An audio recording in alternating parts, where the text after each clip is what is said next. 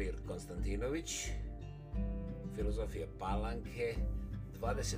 poglavlje pod naslovom Naivnost, nenaivnosti duha Palanke.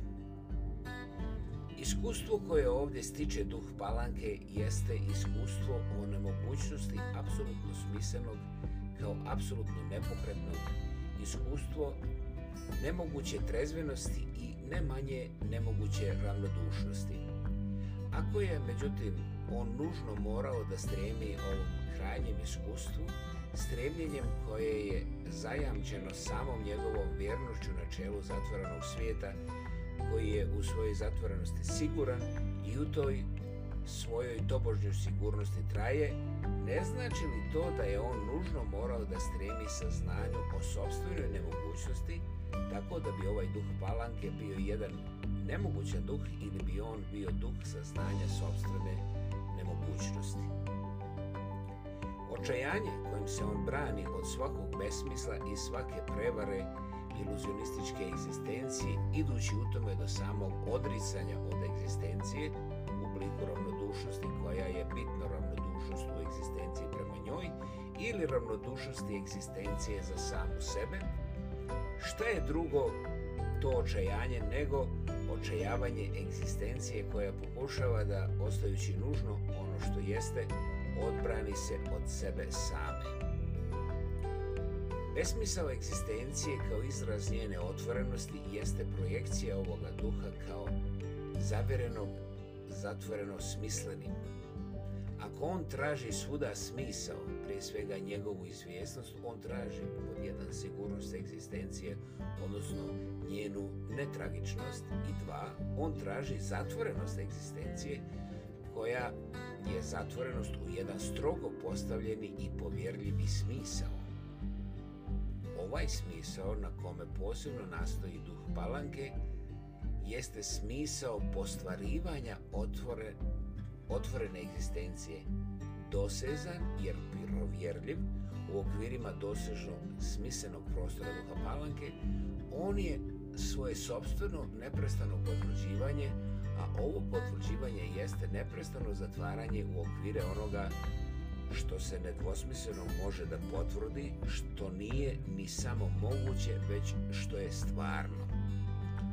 Taj smisao stvarno koji treba da ostvari jednu realističku egzistenciju, bez ikakve zablude i mogućnosti za tragični nesporazum u egzistenciji kao radu na ostvarivanju smisla, a ne na njegovom utvrđivanju jeste pre svega smisao odbijanja besmisla. Duh palanke na ovaj način jeste u stvarnosti protiv nje same pobunjen duh.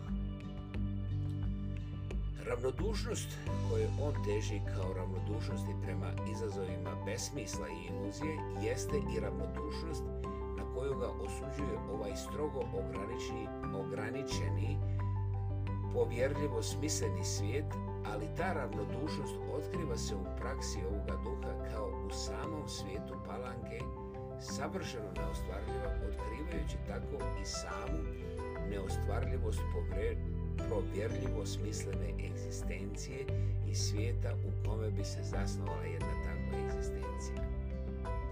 Lenjost koja se javlja kao rad protiv rada, dakle ipak kao jedan rad, jeste i rad protiv ove ravnodušnosti pa i apsolutno smisernog stava duha koji tu ravnodušnost nadahnjuje, bez kojega je ona nezamisliva, mogli bismo je shvatiti i kao projekciju i kao pojavnu stranu apsolutno smislenog duhovnog stava koji, ne varajući se ni u čemu, ostaje u idealnoj ravnoteži, u čistoj statici kako zna idealno samoništavilo.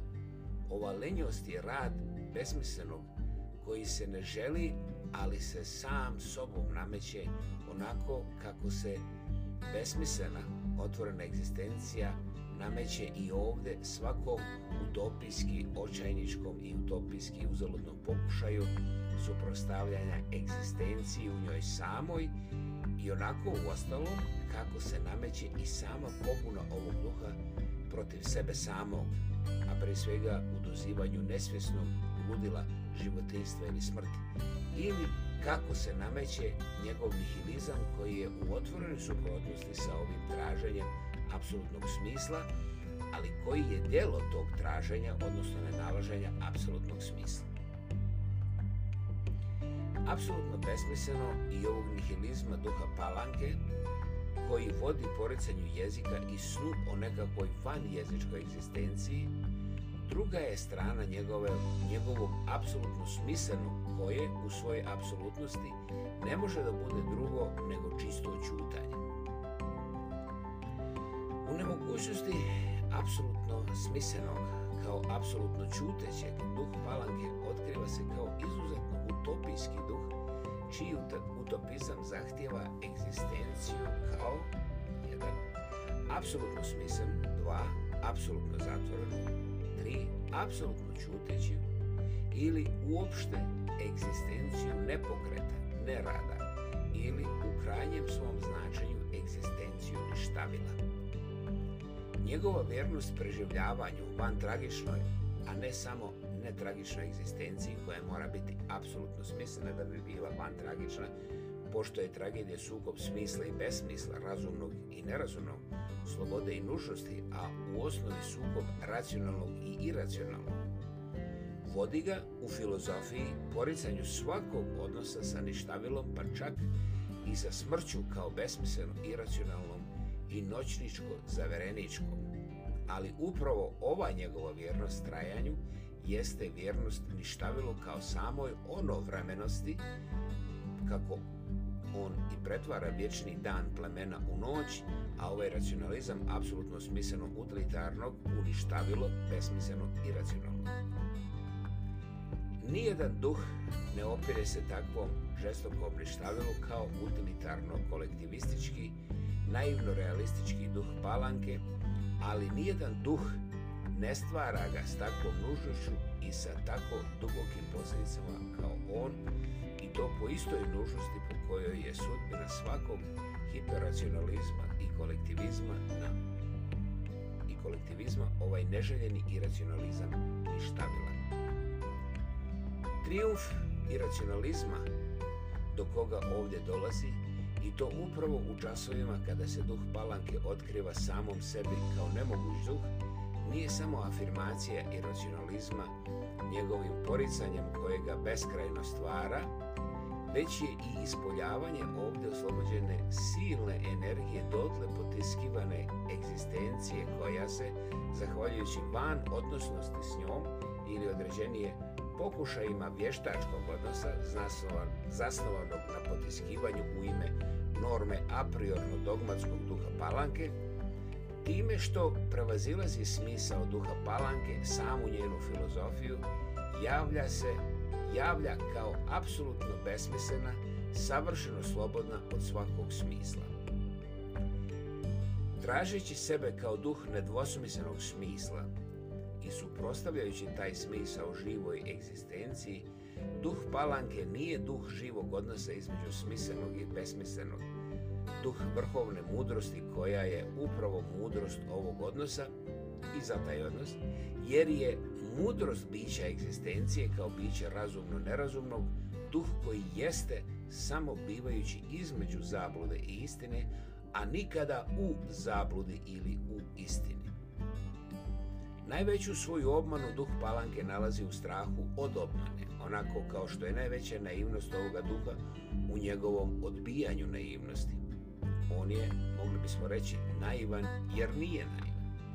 On zaista ne zna za naivnost djece i pjesnika, ljubavnika i svetaca, kroz koje egzistencija najdublje progovara upravo zahvaljujući njihovoj naivnosti, sposobno je da primi totalnost te egzistencije koju ne može da primi ograničeni i ograničavajući duh dostižno stvarnog ili provjerljivo smislenog duh sigurnosti. Utopizam duha palanke, koji njegova realistička filozofija ne kazuje kao, kao utopizam, ali upravo zato što se na njemu zasniva i što doživljava svoj kraj tu svijesti o njemu kao o svijesti o svoje neostvarljivosti jeste utopizam mogućeg. Jedan protivutopijski utopizam koji bi se mogao shvatiti čak i kao najviši stadijum utopizma i možda i kao jedini apsolutni utopizam. Ako je utopizam prvenstveno san suprostavljen stvarnosti, ali san koji sanja stvarnost onako kako nemoguće pripada mogućem, Ovaj utopizam duha palanke je utopizam o mogućnosti stvarnosti bez snova, kao o mogućnosti mogućeg bez nemogućeg, istinitog bez zablude, stvarnog bez nestvarnog, smisanog bez besmislenog. Utopizam jednosmislene, apsolutno afirmativne jednoobraznosti kao odgovora bez pitanja i ravnoteže bez iskušenja. U krajnjoj liniji, utopizam ovog duha utopijske trezvenosti i utopijskog života u trajenju pokreta u nepokretnom svesti uništavilu jeste utopizam o samozaboravljenom duhu ukoliko je duh u stvarnosti tragično beskonačno jer bezizgledno nerazrešivo odnošenje smisla i besmisla svijesti i ništavila pokreta i nepokreta. Ovaj duh palanke pokušava u sebi samom da bude jedan zaboravljen duh, i to i ovde, kao uvijek, po ugledu na istoriju koja je zaboravila svijet iz koga je on potekao. Zaista, u ovom pokušaju duha da se preobrazi dosjednom trezvenošću koja je dosjedna bezduhovnost, jer je dosjedna zatvorenost, u samo zaborav duha kao da se najpotpunije ogleda nasilje historije, historije, koja je svojim zaboravom čitavog jednog svijeta i stvorila palanku. U istinu, ako je palanka između plemenske kulture i kulture grada, sociologija, sociologija bi rekla miseloni grad, ne otkriva li se ona upravo ovdje kao znak jednog razvoja koji je započeo, ali koji je iznenadno zaustavljen prekinutom. Čitava tragedija sveta Palanke izražena je u utopizmu njenog duha. Ako ovaj utopizam jedinstven u svakom pogledu ne želi da opovrgne snom udes istorije, koju mu je istorija ostavila u zaveštanje kao osnovnu materiju nadahnuća, već naprotiv želi upravo tu nepravdu da taj udes digne do svog trajnog načela, a sve u pokušaju da ovim bukvalnim prihvatanjem sobstveno bude se dođe do jedne nove nade koju je naslutio u njemu, samo ako bi se taj odes eh, verno slijedio, nije li on ovaj utopizam o sebe zaboravljenom duhu ili još određenije o duhu van duha našao u istoriji, u zaboravu kojim je ona kaznila svijet palanke?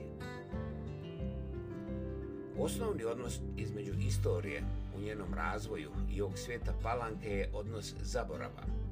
Palanka je zaista jedan zaboravljan svijet, jedan svijet čiji razvoj je zaboravom zaustavljen.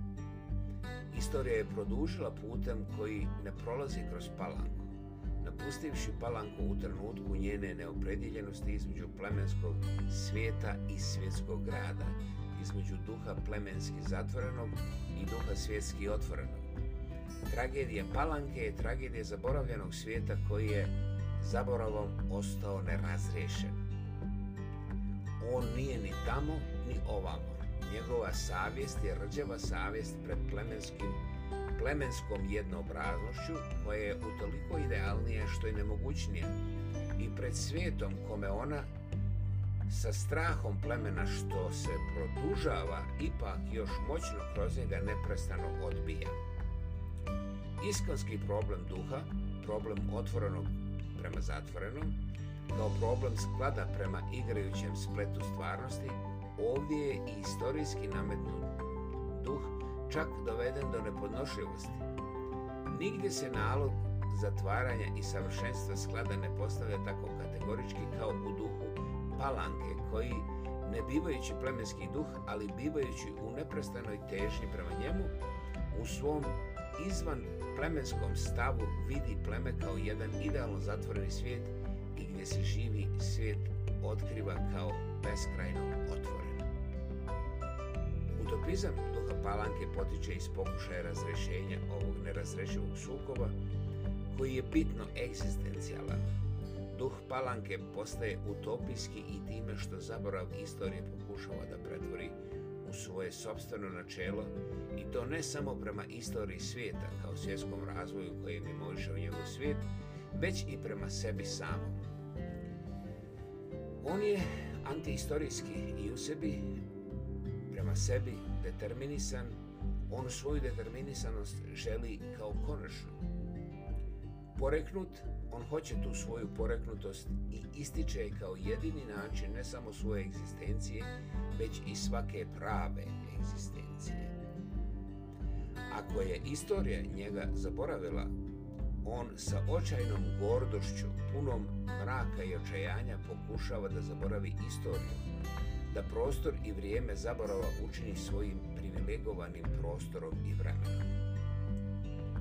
Od svog kude se on ne zadrži od uvijek pokušava da stvori načelo svoje vječne privilegije, ako tu nema velike vatre, velikog sjaja, uvijek sjajno krvavoj tragičnosti istorije, iako je sve to kao tinjanje jedva vidljivog, jedva toplog ugljevlja već zatrpanog pepelom, tu nema ni propasti. Sjaj je sjaj propadanja. Najveći sjaj imaju zvijezde koje se survavaju bez nade na povratak. Sjaj je lažan sjaj, lažan i prevaran. Istorija je obmanjivačka istorija ili istorija obmana. Istina je bez sjaja u skrušenosti i u samoodricanju, u opreznosti. Istina je van istorijska, pa zato izaći iz istorije, biti zaboravljen od nje, znači ući u istinu, zaboraviti istoriju.